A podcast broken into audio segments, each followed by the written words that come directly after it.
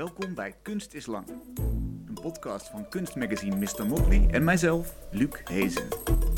Ja, leuk dat je luistert naar een nieuwe aflevering van Kunst is Lang vanuit Vondel CS in het Amsterdamse Vondelpark.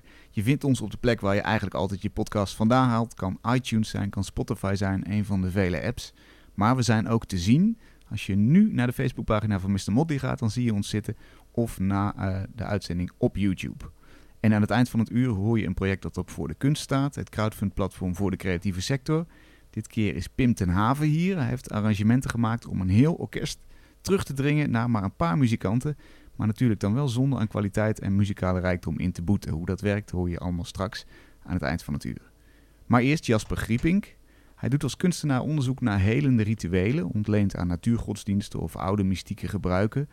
Behalve de verspreiding van teksten en kennis bestaat zijn werk vaak uit het realiseren van tijdelijke openbare plekken waar mensen die rituelen ook echt kunnen ondergaan.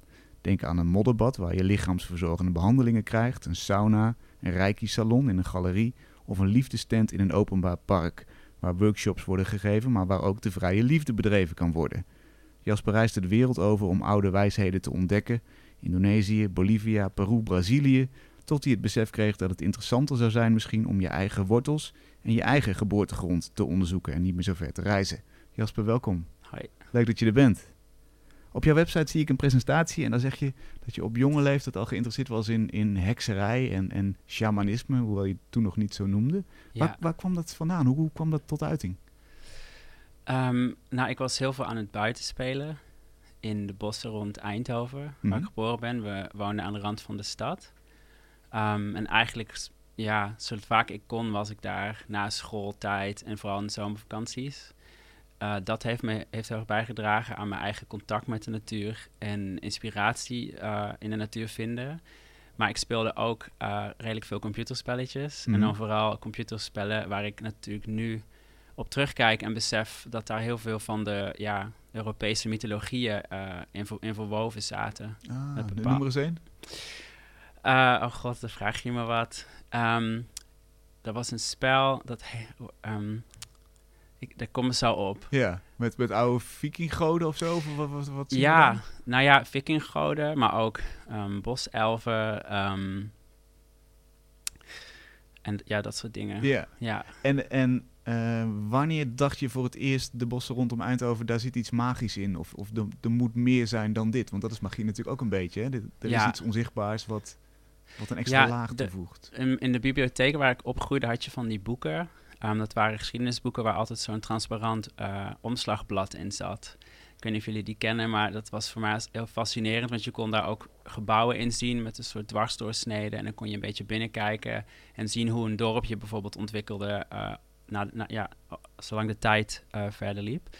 En in die dorpjes had je natuurlijk een koning en bla bla bla en een bakker en allemaal meer normale dingen. Maar er was ook altijd een soort druïde of een soort priester. En die figuur die interesseerde me altijd heel erg. En op jonge leeftijd in de bosgrond Eindhoven bouwde ik inderdaad ook veel hutten die best wel uitgebreid eh, werden opgezet. Met ook een soort logboeken en plattegronden en een soort van wetgeving. En eh, ook experimenten met eh, economie en dat soort dingen. En daar was ik altijd heel fanatiek in. Ehm, Eigen werelden bouwen en Ja, exact. dingen ja. naar je hand zetten eigenlijk. Ja, en, en in de stilte in de natuur ehm, en ook door middel van ja, die computerspellen ontdekte ik van wauw, oké, er is een hele wereld geweest waarin er ja, werd gesproken met de natuur, zou ik maar zeggen. Mhm. Ehm, en daar heb ik, ja, ik, ik heb niet in mijn familie iemand die daarmee bezig is geweest, of in die zin dat er echt een, een inherente inspiratiebron was. Behalve dan eh, dat mijn familie in Brabant, eh, die geloofde in aardstralen.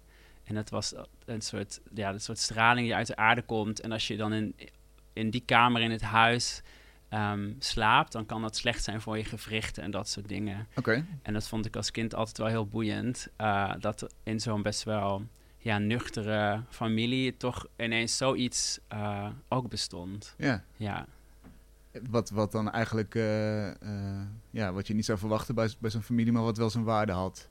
ja En, en hoe, hoe zou je die Nou- waarde omschrijven voor jou toen? Wat, wat, was het een, een, een uitvlucht of was een toevoeging aan wat er was? Of hoe, hoe zou je daar woorden voor vinden?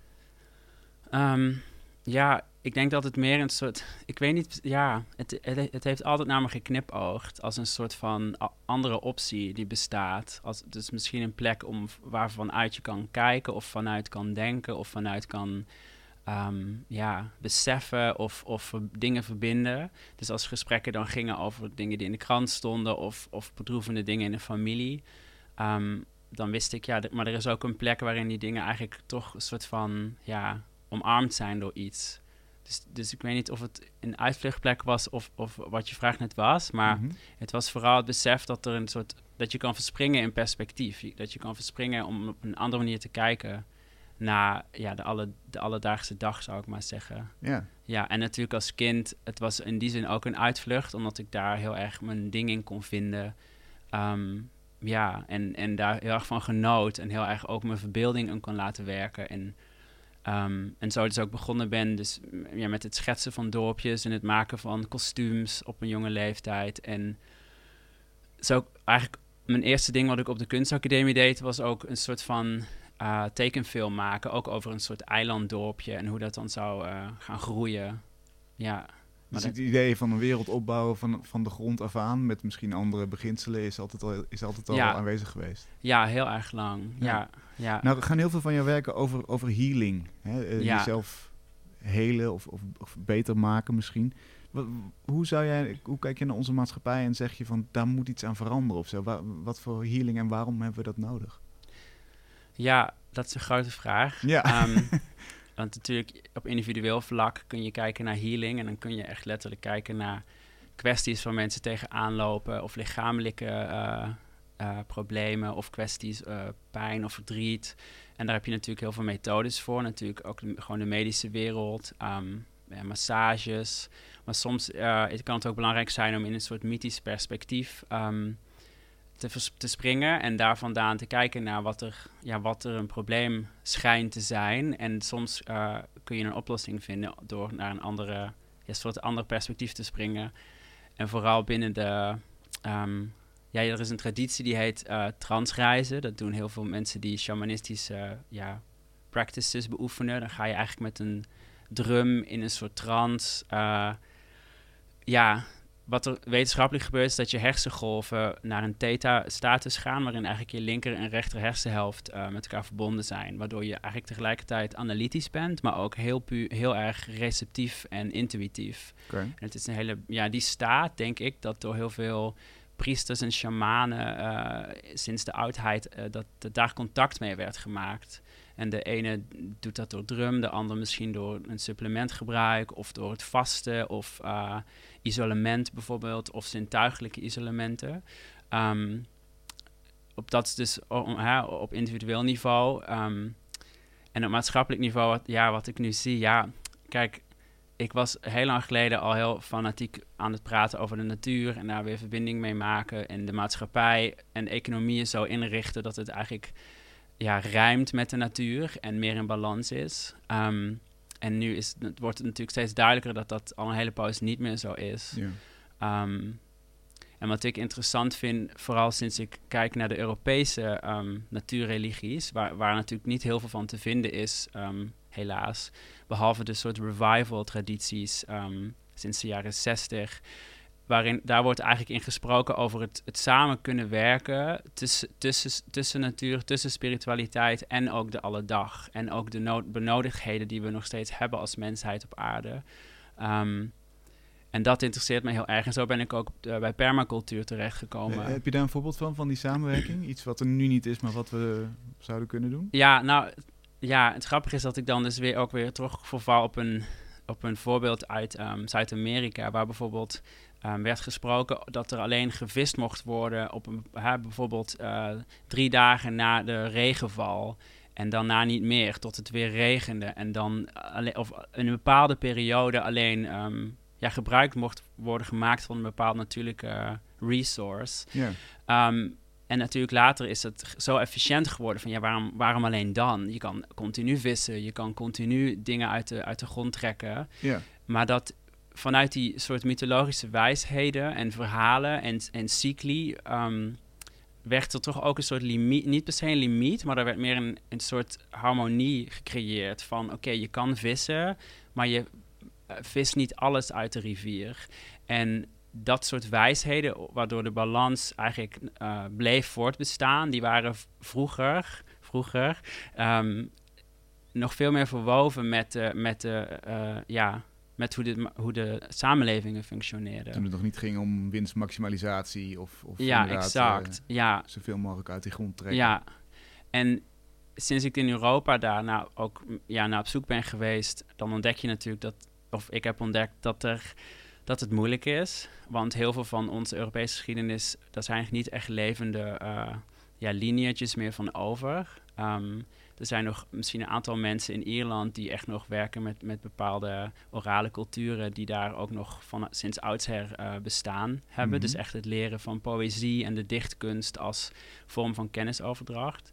Ehm, maar in, ja, waar ik ben geweest tot nu toe, is er niet heel veel meer echt levend, behalve wat nog teruggevonden is of, of opnieuw uh, wordt bezield. En dan heb je ook vaak hè, uitingen zoals The Lord of the Rings en bepaalde soort meer ja, fantasy uh, narratieven. Hmm. Ehm, die heel mooi ook zijn, maar die dan weer voor mij gezien heel erg vaak wit en, en toch wel seksistisch waren. En, en alsnog een obsessie zijn met koningen en, en keizers. En toch altijd nog steeds over hiërarchieën gaan. En voor mij, waar ik naar op zoek ben, blijkt dus nog verder te gaan dan alleen de, de Europese roots, maar meer het, het onderzoeken van een. Uh, ja, een, een, iets wat voor het, patriarchale tijdperk bestond.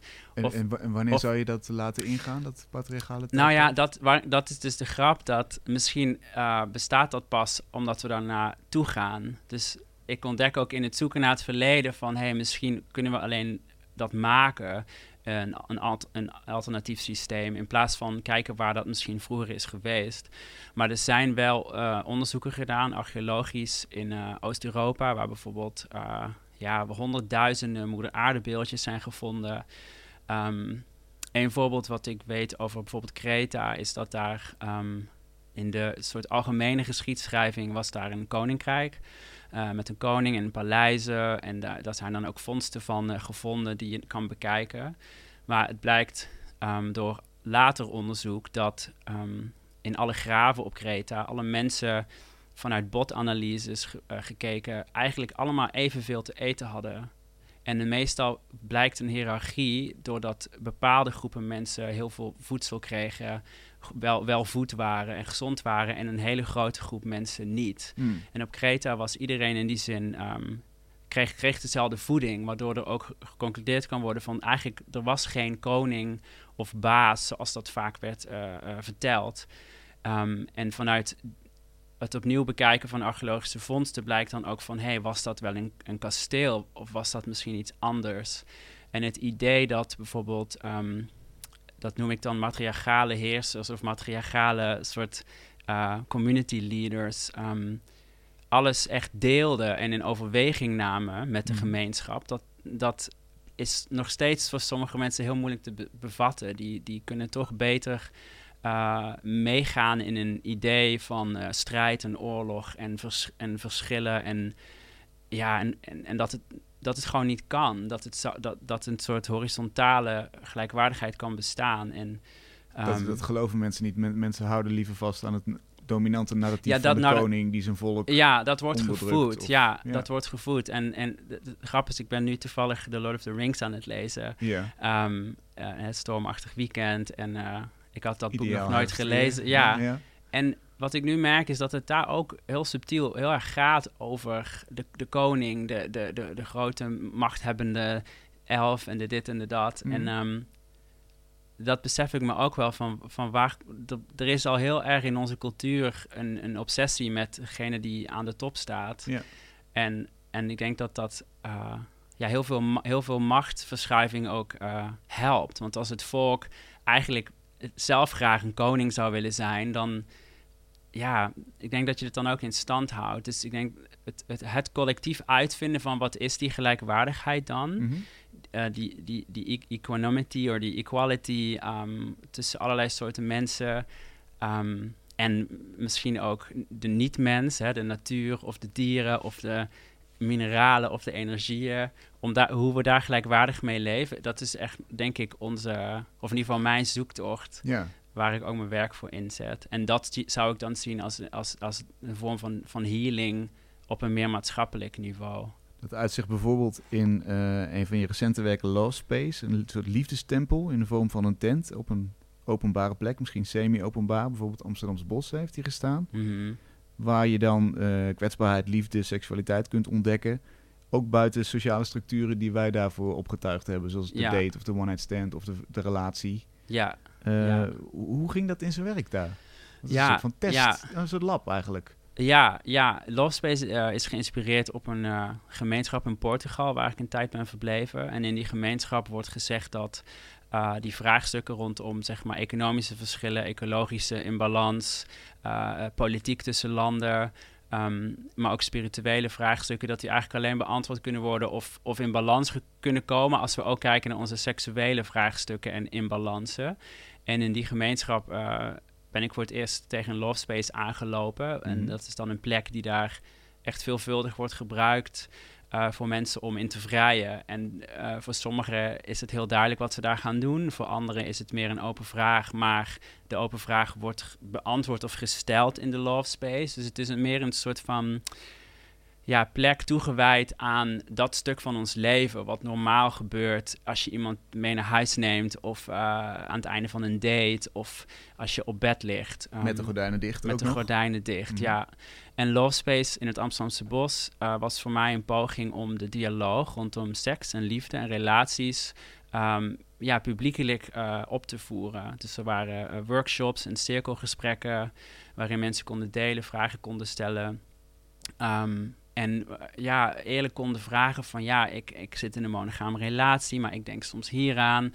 En die mensen die nog nooit hadden gehoord van polyamorie, kwamen dan weer mensen tegen van ons team die weer heel veel van polyamorie afweten. Dus die konden daar ook over delen. Vanuit, niet vanuit het, het idee, maar puur echt persoonlijk. En voor de een pakt het goed uit, voor de ander is het een, echt een challenge. Um, en ik denk het, het grote, de winst van het project Lawspace is gewoon echt die diversiteit van wat er mogelijk is binnen relaties. Ehm, ja, met elkaar delen. Hmm. En het centrum van het project was inderdaad een, uh, een jurt waar mensen ook ja, echt mochten vrijen. En die jurt zelf, ja, die was wel afgesloten voor publiek. Dat ging verder niet over uh, voyeurisme of uh, dat mensen dat gingen bekijken. Het, dat was, het was puur van belang dat tijdens het project, wat twee weken liep, uh, dat 24-7 een mogelijkheid was om in die, in die Love Temple uh, ja, seks te hebben of liefde te bedrijven of, of wat dan ook. Een soort gewijde ruimte eigenlijk. En hoe, hoe pakt dat uit? Want het is toch een beetje het, het testen van nieuwe vormen van een maatschappij eigenlijk, hè? Ja. Hoe, wat voor resultaten heb je daar? Dus hoe zijn we zijn we niet zo sterk geprogrammeerd dat, dat je daar niet doorheen kunt komen? Of is het juist de andere kant op? Ja, ja, die we, die vind ik altijd heel interessant. Want die, die we, de, de, die soort van. Dat idee dat er een norm is, of een normale burger, of, of een soort normaal, dat, hoe, waar ik overal ben geweest, ontdek ik dat, dat die normaal eigenlijk best wel meevalt. En dat uh, er heel veel diverse manieren zijn van leven en al gigantisch veel alternatieve gemeenschappen, gedachtegoed, boeken, films, uh, communicatietechnieken. Het is, het is, onvoorstelbaar wat er al eigenlijk op aarde aanwezig is. Uh, wat in, ingezet zou kunnen worden in een, in een nieuwe maatschappij. Um, maar ja, helaas uh, moet je daar hard voor vechten om dat in de maatschappij echt te krijgen. Mm. Um, bij Lost Space pakt het zo uit dat we bijvoorbeeld um, soms er kwamen mensen met de fiets naar ons toe en die zeiden: Is dit de Love Space? En wij zo ja. En ze oh fantastisch. En de fiets neerzetten, de loft space in. En dan twee uur later kwam er zo witte rook uit de jurt. En kwamen ze met een badjas aan naar buiten. En helemaal van, oh fantastisch en dankjewel. En uh, we hadden ook een douche gemaakt daar in het bos. Een buitendouche. En die mensen waren weer weg en niet eens gesproken. Ja. Maar er waren ook mensen die uh, echt zeiden... wauw, ik kom morgen terug. Ik neem een tent mee. En die gewoon een week hebben gekampeerd. En echt veel meer integraal deel werden van het project. Um, en we hebben geliefden gehad die al jarenlang samen waren, die in de love space, hè, waar het dan zeg maar mag, uh, ineens helemaal niet wisten van, maar wat doen we dan in een love tempel? Mm. wat voegt dat voor ons toe? En voor andere mensen die, uh, die zeiden echt, wauw, wat een kans. We kunnen, ik mag gewoon om, om ons... Om, er was iemand die... Ehm, die, hoe heet dat nou, een die waren een anniversary aan het vieren. En die kwamen daarvoor naar de Love Space om er zeg maar echt een, iets van te maken. Als een soort van retreat, als het ware. Dus heel diverse lagen van, uh, van gebruik binnen het project. Ja. En je hebt dan ook geen van tevoren geformuleerd doel van dit moet het project worden of zo. Het is, het is pas geslaagd als ik deze reacties krijg. Nee, nou ja, geslaagd als, als, als er gedeeld kan worden. Als er, als er kwetsbaarheid is, empathie, als mensen verder komen met, met vragen of, of dingen die ze misschien heel lang, die hun heel lang tegenhoudt in hun persoonlijke zoektocht. En ik denk als je mensen ontmoet die ja, wat, misschien wat meer, wat dan vaak gezien wordt als wat radicalere levenspaden bewandelen, dan kan dat heel erg uh, ja, motivatie geven om ook toch verder te zoeken dan wat je misschien al kent. Ja. En vooral ook natuurlijk omdat hè, in onze maatschappij zoveel huwelijken en relaties vaak vastlopen op punten die voor mensen die in mijn team zitten, ja, niet, niet, niet meer zo'n punt zijn. Er zijn stellen die, die niet eens bepaalde dingen durven te zeggen tegen elkaar. Die ze graag zouden willen of waar ze aan denken. Ehm, en, dan, en binnen het project Love Space is daar, is daar een ruimte voor. Voor mensen die dat nog nooit hebben ervaren, om dat voor het eerst een keer te proberen te delen. Ook of, of, of of anoniem gewoon te kunnen praten met, een, met eigenlijk een vreemde in een soort safe context. En voor andere mensen die wat meer bekwaam zijn, al in, ja, in op die manier kwetsbaar zijn, die, ja, is het. Ehm, is, zeg maar, Love Space was voor mij ook een soort enclave om al die ervaringen die ik heb gehad in alternatieve gemeenschappen naar Nederland te brengen. Mhm. Ehm, dus daar kwamen ook wel mensen op af die wat meer bekwaam al zijn in, in die manier van leven. Want is het doel eigenlijk om, uh, je zei net, ik, ik, geloof niet zo in een we, hè, en de we valt uiteen in verschillende individuen zodra je er naar kijkt. Mhm. Tegelijkertijd denk ik dat het toch een soort van maatschappelijke discours is waar iedereen in zit, hè, waar iedereen mhm. kennis van heeft. Dat zou je mainstream kunnen noemen of zo, of hè, de, de, soort van de norm. Is het idee om, om, om die norm uh, te verrijken, is dat eigenlijk het doel? Moet het, moet het mainstream worden, om, het, om toch het woord maar even te gebruiken? Of ja. zeg jij, dat, het mag ook wel ergens aan de rand bestaan van Ja, goede vraag. Ja, hele goede vraag. Ik denk dat ik vroeger altijd heel graag wilde dat het mainstream zou worden. En dat, dat, dat de, de, de grote massa mensen uh, ja, kwetsbaarder zou kunnen communiceren, wat, meer, wat minder zou kunnen springen in, in harde uitspraken of, uh, of antagonisme tussen elkaar. Uh, of, het, of het wijzen naar de ander als degene die alles verpest in het land, bijvoorbeeld. Um, maar het zou ook aan de rand kunnen bestaan. En dat is het frappante ook weer van die rol als shamaan of healer. Dat, in, dat er werd ook vanuit uit. Het is een beetje dubbel. Van de ene kant, zeg maar, waren dat soort, soort spirituele uh, wise people uh, een, soort van centrum van, van een gemeenschap. Maar, van, maar er zijn ook heel veel. Uh, ja, verhalen te vinden waar zo'n figuur meer aan de rand leeft van de maatschappij. En in Ierland heb je bijvoorbeeld ook, volgens mij heet dat de hedge dog. Dat dus mensen via de heg met elkaar praten over bepaalde geheimen of bepaalde wijsheid deelden. Mm. Wat je niet op het marktplein uh, deed.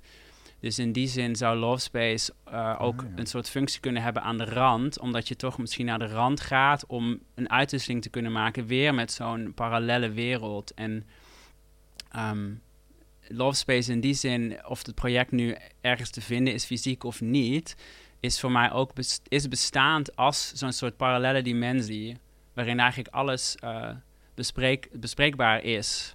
Um, dus in die zin zou het ook zeker aan de rand kunnen functioneren. Ja. Um, maar, dat, maar toch, als je het hebt over rand of centrum, dan ga je ook uit dat er één centrum is. En dat hmm. is denk ik ook al sinds ik heel jong ben een van mijn visies dat de, de werkelijkheid meer uit een soort lappendeken bestaat. Met enorm veel verschillende centrums en periferieën.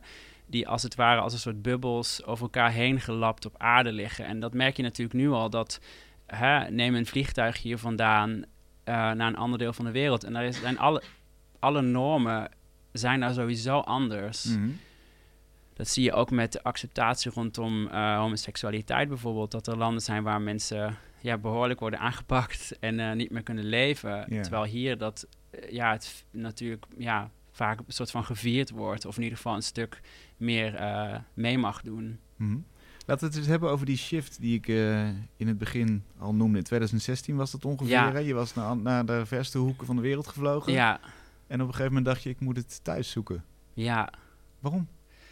Waarom? Nou, omdat, kijk, ik was natuurlijk in Zuid, um, Zuidoost-Azië. Ik heb daar een boek geschreven over, um, over een sarong. Dat was in Indonesië. En, en, toen was ik al wel bewust van, goh, ik ben toch als een wit persoon in een soort voormalige kolonie. Ja, op zoek naar dingen waar ik van kan groeien en waar ik kan verrijkt van kan worden. Mm. Um, en zo ook in Zuid, uh, Zuid-Amerika. Uh, hè, uh, in, in Peru natuurlijk ook uh, met ayahuasca gewerkt. Um, allemaal heel erg indrukwekkend en fantastisch. Maar ik merkte ook, ja, ik ben toch altijd daar een soort bezoeker. En ik ben ook, ook altijd wel heel erg in staat om net uit te zoeken wat mij dan zeg maar prikkelt. Yeah. En bezighoudt. En dingen die misschien wat uh, confronterender zijn of wat te maken hebben met, de, met onze rol als, als, als witte medebewoners op aarde. Uh, ja, daar kon je dan toch ook wel makkelijk overheen stappen. En ook heel veel uh, landen ver van hier zijn ook zo ingericht dat als je daar komt als, als witte Europeaan, dat je eigenlijk op handen en voeten gedragen wordt. Um, en daar ontdekte ik door van waar, hoe kom ik nou echt terecht in, in iets wat inherent transformatief kan zijn voor de wereld of voor, voor de maatschappij. En, en, waar, en hoezo ben ik niet bezig met, met eigenlijk hoezo ben ik niet bezig met Europa? Want sinds ik een kind was, wilde ik heel graag zo ver mogelijk weg uit Europa om de avonturen op te zoeken. Um, ik ben ook heel blij dat ik die reis heb gemaakt. Um, maar ik dacht, er is iets in Europa wat, wat volgens mij um, een soort bron of, schaak, of omschakelmoment is, is geweest, waardoor überhaupt dingen als kolonialisme, imperialisme en kapitalisme, waarom dat überhaupt is ontstaan. En ik denk dat dat uh, te vinden is in een soort vroeg, vroeg Europese geschiedenis. Hoe, leg eens uit, maak het eens concreet, waar, waar is dat?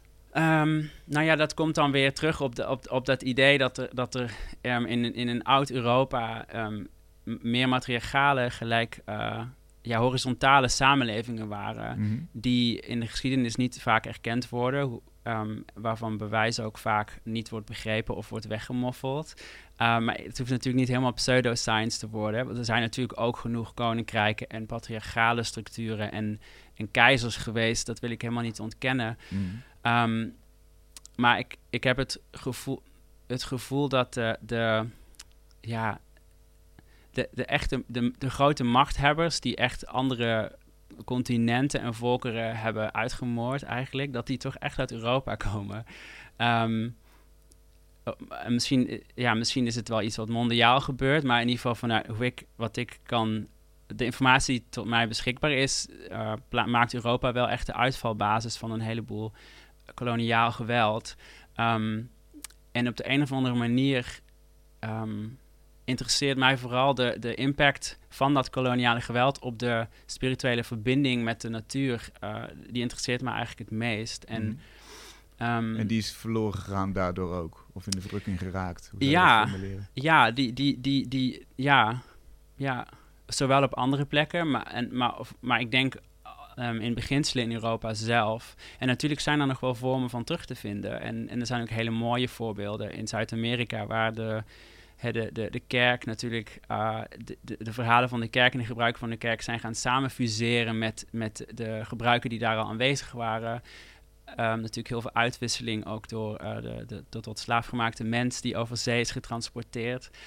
Dus er zijn ook wel hele mooie poëtische vormen ontstaan. Mm. Maar um, ik heb het gevoel dat, dat mensen alleen maar zo'n geweld kunnen brengen naar een andere plek omdat ze dat zelf al hebben ervaren waar ze zelf vandaan komen. Dat is ook met trauma zo. Dat eigenlijk iemand die echt getraumatiseerd is, kan ook vaak een ander gaan traumatiseren. En ik denk dat dat op die manier ook collectief maatschappelijk er in Europa een heel groot trauma heeft plaatsgevonden. Maar dat is toch geen, geen kleine taak om op te lossen eventjes? Nee, helemaal niet. Wow. Nee.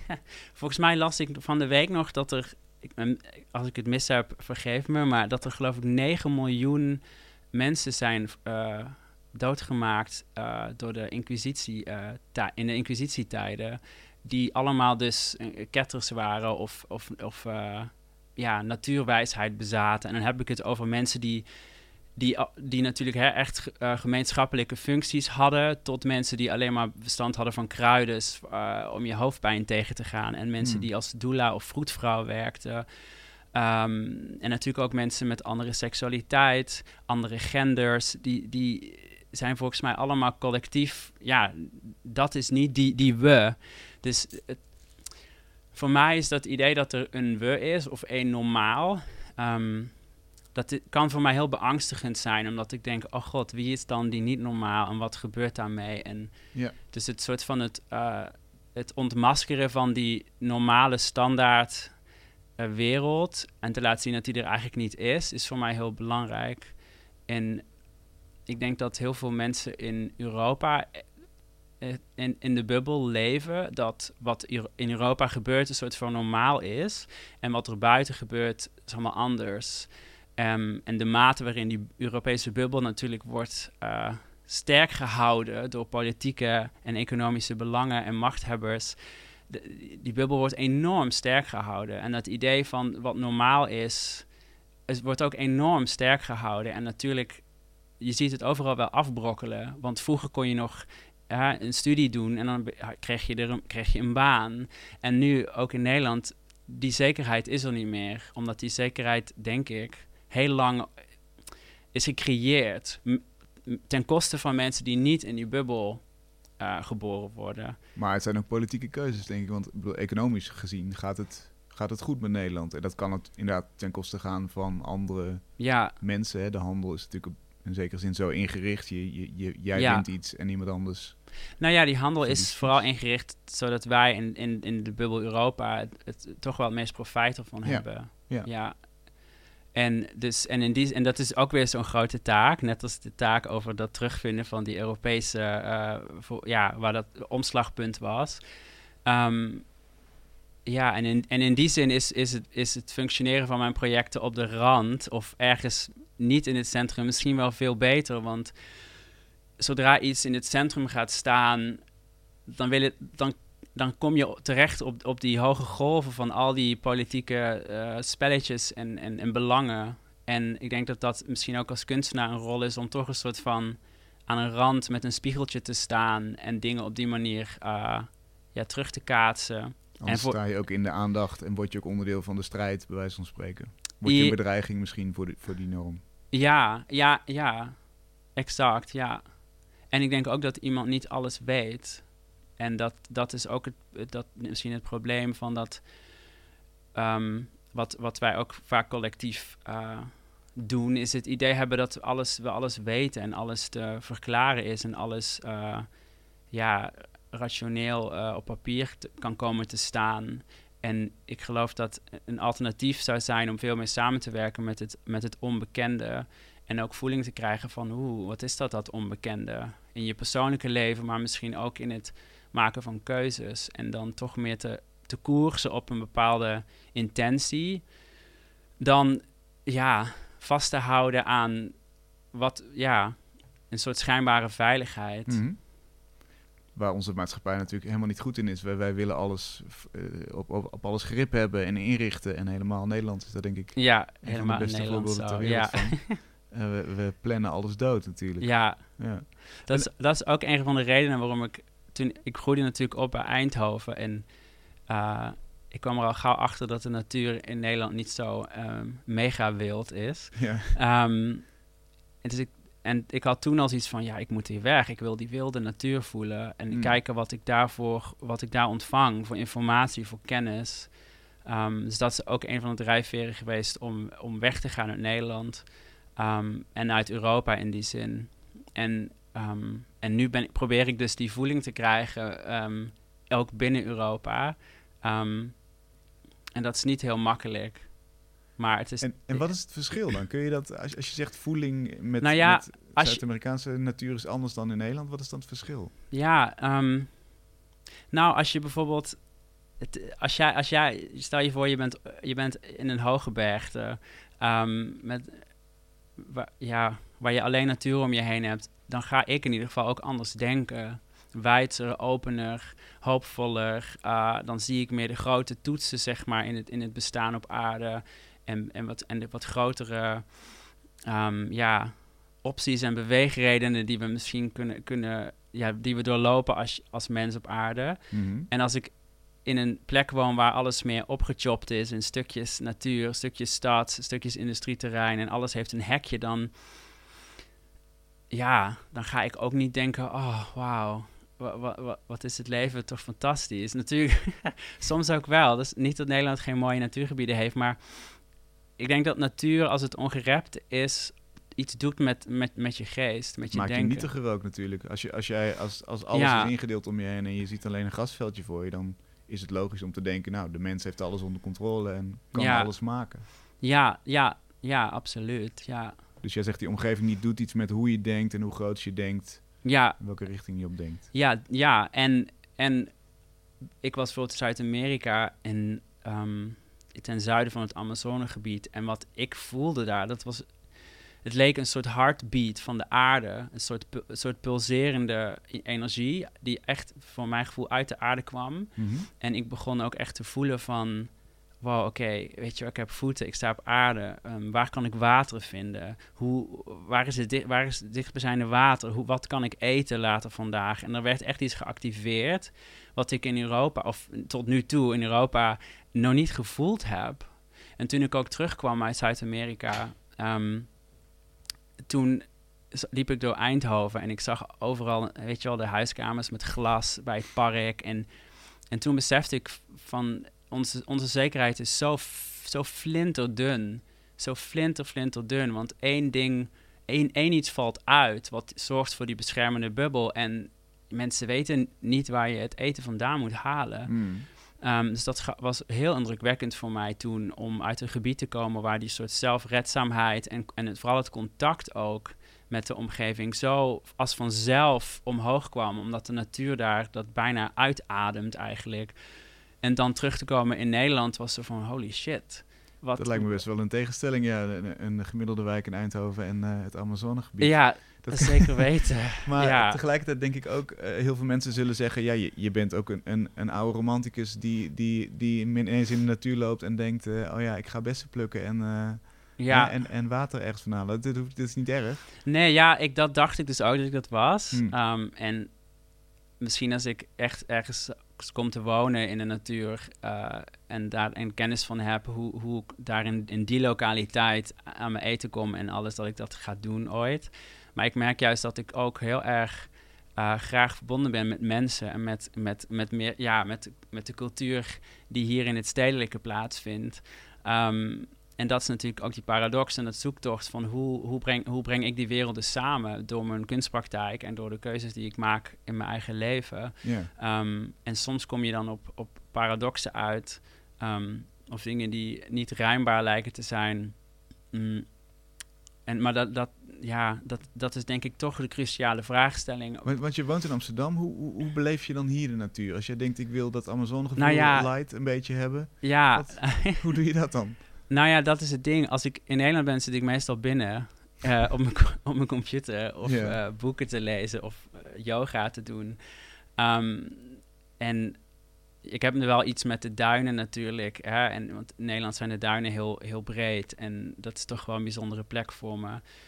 En, ehm, maar nee, ik heb, ik heb dat niet zo in, in Nederland, wat ik daar voelde. Ja. Want je moet op, eigenlijk op zoek dan naar de, de oernatuur van Nederland. Wat, eh, hier zijn hier hebben Ja. ook natuurlijk eeuwen mensen Ja. gewoond. En, hè, met, met, Nou ja, ja, ja, maar wat ik daar, waar ik dan op uitkom, is vooral in mezelf die, die stilte vinden. Dus ik, heb, ik ontvang door meditatie eh, en bepaalde medi- meditatieoefeningen eh, en, en, en het naar binnen kijken, ervaar ik een contact met een ander soort natuur. Hmm. Dus dat is ook misschien het voordeel, dat ik juist hierdoor door de, al- alle prikkels en dingen waar ik vaak eh overwhelmed door word, eigenlijk eh, ja, terug moet vallen op de, op, die, op de kracht binnenin mij en de stilte binnenin mij. Ehm, maar het zou heel fijn zijn om dat ook wat meer te kunnen leven met mensen samen. Dus Uh, ik heb in Amsterdam een aantal keer ook een, uh, een proposal gemaakt voor een soort stadstuin of een soort groot stadspark waar geen geluid of cellphones en dat soort dingen uh, ja, naar binnen mogen om echt een soort van die stilte te kunnen voelen. Hmm. Um, maar ja, het is nog niet gebeurd. Het, is er nog niet. nee. nee. Ja. een van de dingen waar je, laten we zeggen, het stadsleven combineert met, met natuur is best wel een bijzonder project, Stone Orgy. Of Orgy drijft op een muzikale ervaring eigenlijk. Mm -hmm. Misschien moeten we daar eerst even naar gaan luisteren en dan hebben we een beetje een idee. Ja, is goed. Kun je daarna uitleggen hoe het werkt?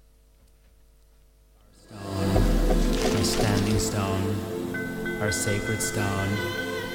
Let's go.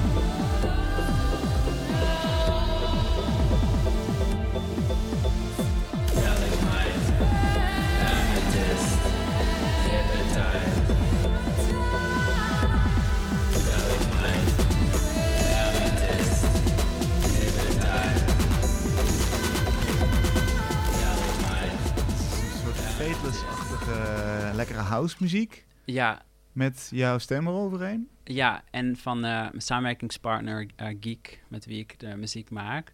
Um, ja, dit nummer, dat, wat je net hoorde, eh, dat is de Stone. Dat is inderdaad nogal een Fateless-achtig nummer. Hm?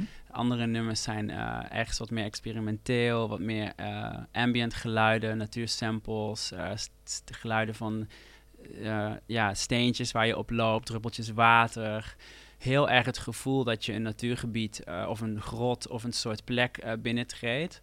Um, en de Stone is, is een wat meer een beat nummer, waar, um, waar het idee eigenlijk is dat nadat we aankomen op aarde via het eerste nummer, um, uh, dan in het tweede nummer echt collectief gaan bewegen en met onze, onze lichaamsenergie en, ons, en het, ja, de soort energie van het dansen samen een soort se seance uh, hebben. En ik denk dat ik natuurlijk opgroeien in Nederland ontdekte van... hey, in het weekend kun je uitgaan en dansen en die, hele club scene en, en party scene is natuurlijk voor heel veel mensen heel inspirerend. En ook een soort uitlaatklep Mhm. om uh, bepaalde gevoelens te uiten en te bewegen. En ik heb daar een soort um, intersectie gevonden van... hey, um, zou het zo kunnen zijn dat die soort party-danswereld die wij nu hebben, ergens gerelateerd is aan die verhalen van rituelen van vroeger, waar mensen misschien in een bos in een cirkel aan het dansen waren uh, rond een kampvuur, nou, kijkende naar de maan. En ik moet trouwens niet zeggen vroeger, want er zijn nog steeds genoeg mensen op aarde die nog steeds rond een vuur uh, samen hun, hun, uh, hun cultuur beleven. Mm. Um, maar ik dacht, ja, in het stadse is misschien dat dansen s'nachts uh, op muziek, zwetend, in een moshpit. Misschien is dat wel een soort contemporaire vorm van zo'n soort ja, ritueel waarin je bepaalde gevoelens kan uiten, maar ook op een of andere magische manier iedereen het, het samen voelt. Ja, je bent onderdeel van diezelfde kolkende muziekmassa. Exact, ja. ja. Van, het, van het springen, het bewegen, naar elkaar kijken, euforie voelen, uh, misschien dingen processen. Um, en voor mij begon het heel erg over te komen als een soort ritueel wat we allemaal kennen, zonder dat we misschien het zo noemen. Mm.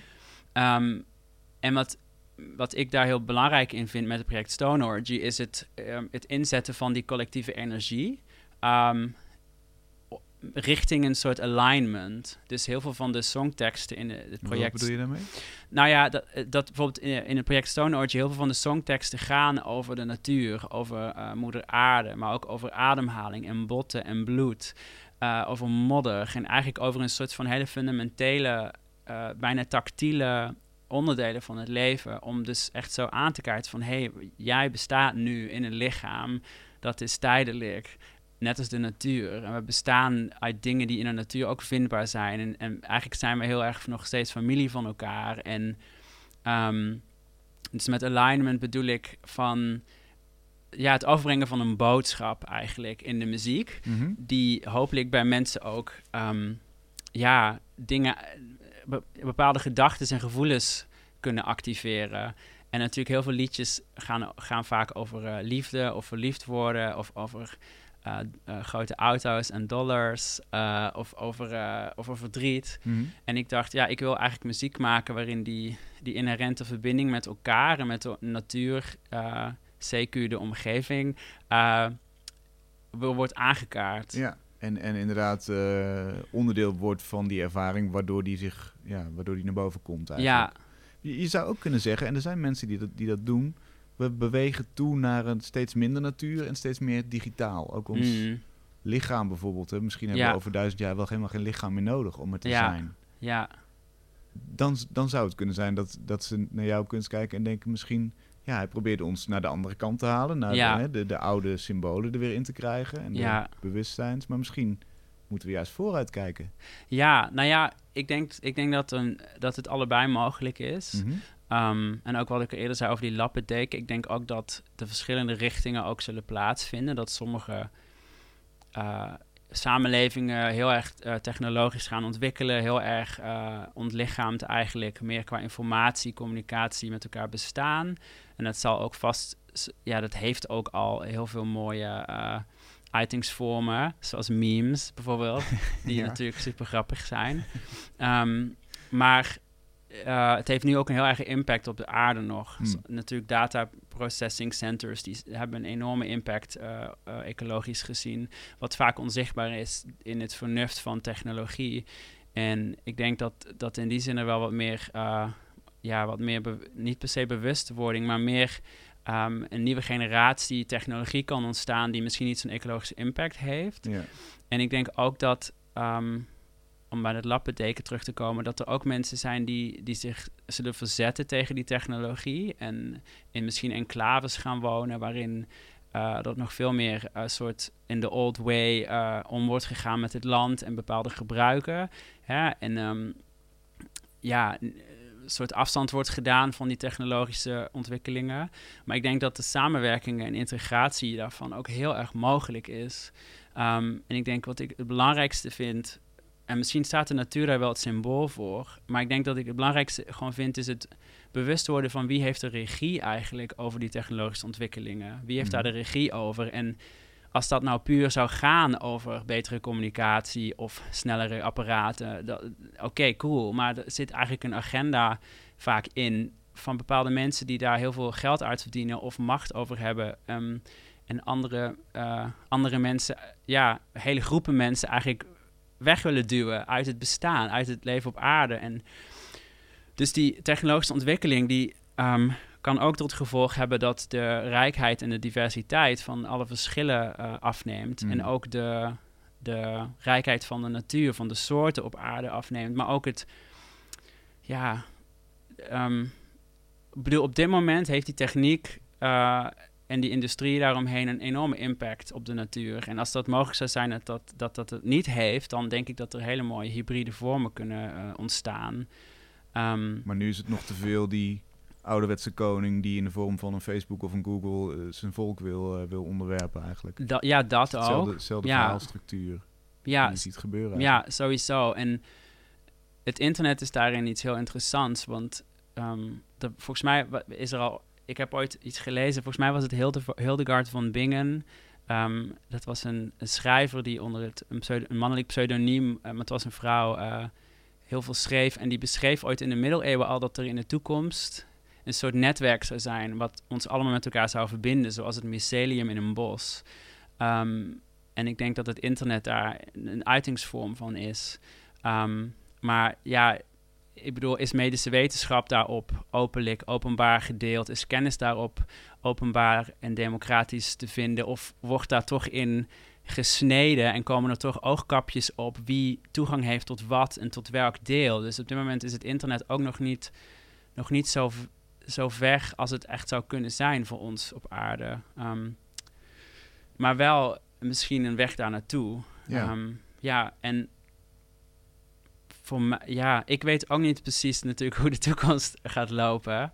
Um, maar ik denk dat we als we dat echt dat contact verliezen met de natuur, nog meer als dat we dat al eigenlijk hebben, um, dat er echt iets verloren gaat. Want ik denk dat er in die natuur een bepaalde um, kennis zit, die heel, heel erg holistisch, harmonieus werkt. En eigenlijk een soort van ja, zeg maar, de, bijvoorbeeld als je kijkt naar de medicijnen, dat bijna alles wat de farmaceutische industrie produceert, uh, is eigenlijk vindbaar in het Amazonegebied. Bijna hmm. elke pil, bijna elk medicijn is een, is een soort distillaat of een klein fragment van een eh, een plant die in de Amazone uh, leeft. Er zijn er, weet ik veel, 15.000 medicijnplanten, waarvan we er misschien 2% kennen. Um, en ik denk dat heel veel ook van de dingen die wij ervaren op aarde. Kijk, ieder lichaam is anders. Ik denk dat aandoeningen ook variëren op, op per lichaam. En natuurlijk, de medicijnenwereld zou ook net zo divers kunnen zijn.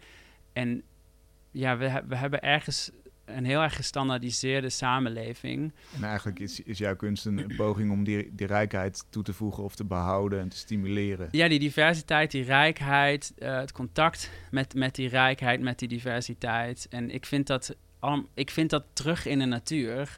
En natuurlijk ook in de stad. In kleding, uh, in, in, in whatever. In, in, in humor tussen mensen die met verschillende uh, gevoelens. Maar uh, ja, ik, ik, denk dat, ik denk dat er een gigantische schat in, in, in het natuurlijke of in de natuur begraven ligt.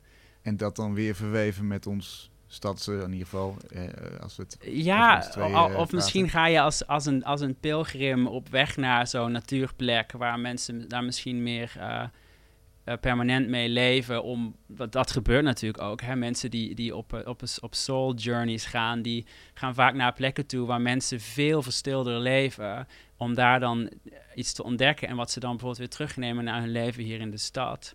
En ik denk dat dat ook wel altijd zal blijven voortbestaan, zelfs in een soort technologische supertoekomst. Dat er toch ja, toch blijft die, denk ik, ook die andere, meer wilde wijsheid van de natuur ook ergens als een kloppend hart uh, in de aarde zitten. En uh, als wij er niet naartoe trekken, dan breng jij het wel uh, naar ons toe met je kunstprojecten. Ja, hopelijk. Fijn dat je er was. ja, alsjeblieft. We gaan door met het project dat er voor de kunst staat. Pim ten, Huiven, die, Pim ten Haven, moet ik zeggen, die schrijft aan. En hij wil de hele definitie van een orkest uh, omgooien. Pim, leuk dat je er bent. Welkom. Dankjewel. Waarom is het eigenlijk nodig om dat orkest opnieuw te definiëren? Um, Waarom wil jij dat graag doen? Um, nou, de vorm orkest heeft natuurlijk verschillende vormen gehad al. Um, in de 18e eeuw speelde men voor de koning. Dus was de locatie een, een balzaal. En toen kwamen de grote orkestgebouwen. Toen is het orkest ook steeds groter geworden. En gingen componisten ook voor grotere orkesten schrijven. Er werden zelfs nieuwe instrumenten uitgevonden. Um, en um, nu uh, is het tijd om het orkest ook toegankelijk te maken. Dus ik, want uh, ja, uh, ik heb geen geld voor een orkest. Dus, uh, dus toen dacht moet geschrapt worden. Moet ja. kleiner. Wie, wie zit er nog in in het orkest? er zit een violist in, mm -hmm. een cellist, een contrabassist, een, iemand die elektrische gitaar speelt. Met heel veel effecten. Ja. En zelfs speel ik piano en zing ik. En nou wilde je eigenlijk met de muziek die je maakt een zo groot en zo rustig mogelijk geluid creëren. Ja. Wat, vertel meer over dat uitgangspunt. Uh, nou, het grote komt van het, uh, van, van, het, van, de, van het orkest als inspiratie. Um, vroeger ging ik uh, stiekem met iemand die bij Tivoli werkte mee naar optredens van, van het orkest die daar speelde. Toen was ik helemaal overrompeld hoeveel impact zo'n orkest kan hebben als je daadwerkelijk in die ruimte zit, in die akoestiek zit. Ja. en het rustige komt van um, een voorliefde voor, voor strijkers. Wat, het, uh, wat de bezetting van het mini-orkest ook verraadt. Um, als je in een ruimte zit met een, met een cello of een contrabas, uh, werkt dat zo medit meditatief. En als ik schrijf achter een piano, dan uh, word ik ook altijd heel erg kalm en rustig. En dat vloeit door in de werken die ik maak. Ja, groot en rustig. Het heet Somersault. Laten we even luisteren naar een klein fragmentje. thank you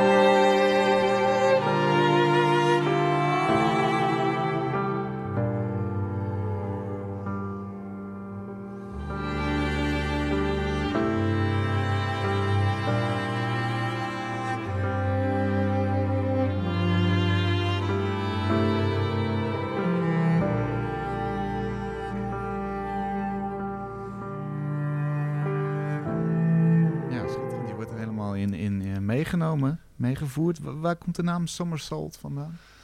Um, die kwam uh, opeens aanwaaien. Ik werd wakker en toen eh, was hij in mijn hoofd. En een jaar later kwam ik erachter dat, eh, dat het in een songtekst van Radiohead zit.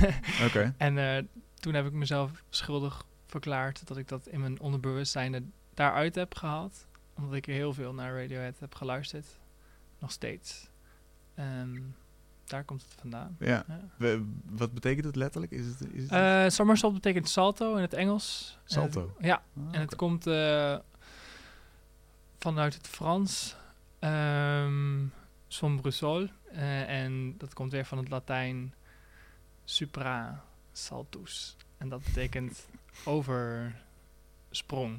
Oversprongen. Ja, denk dat- ja, de, super, ja, de super Ja. salto's komen een beetje in de circus termen. Ja. Die, die, die herken ik dan wel Ja, weer. en het gaat denk ik, de muziek gaat ook wel over eh, een salto in slow motion. Op het moment dat je niet meer weet waar je precies bevindt, eh, dat je je oriëntatie kwijt bent, dat moment eh, in slow motion, dat is denk ik ook wel de staat van zijn die, de, die ik met de muziek probeer op te roepen. Ja, precies. Mooi.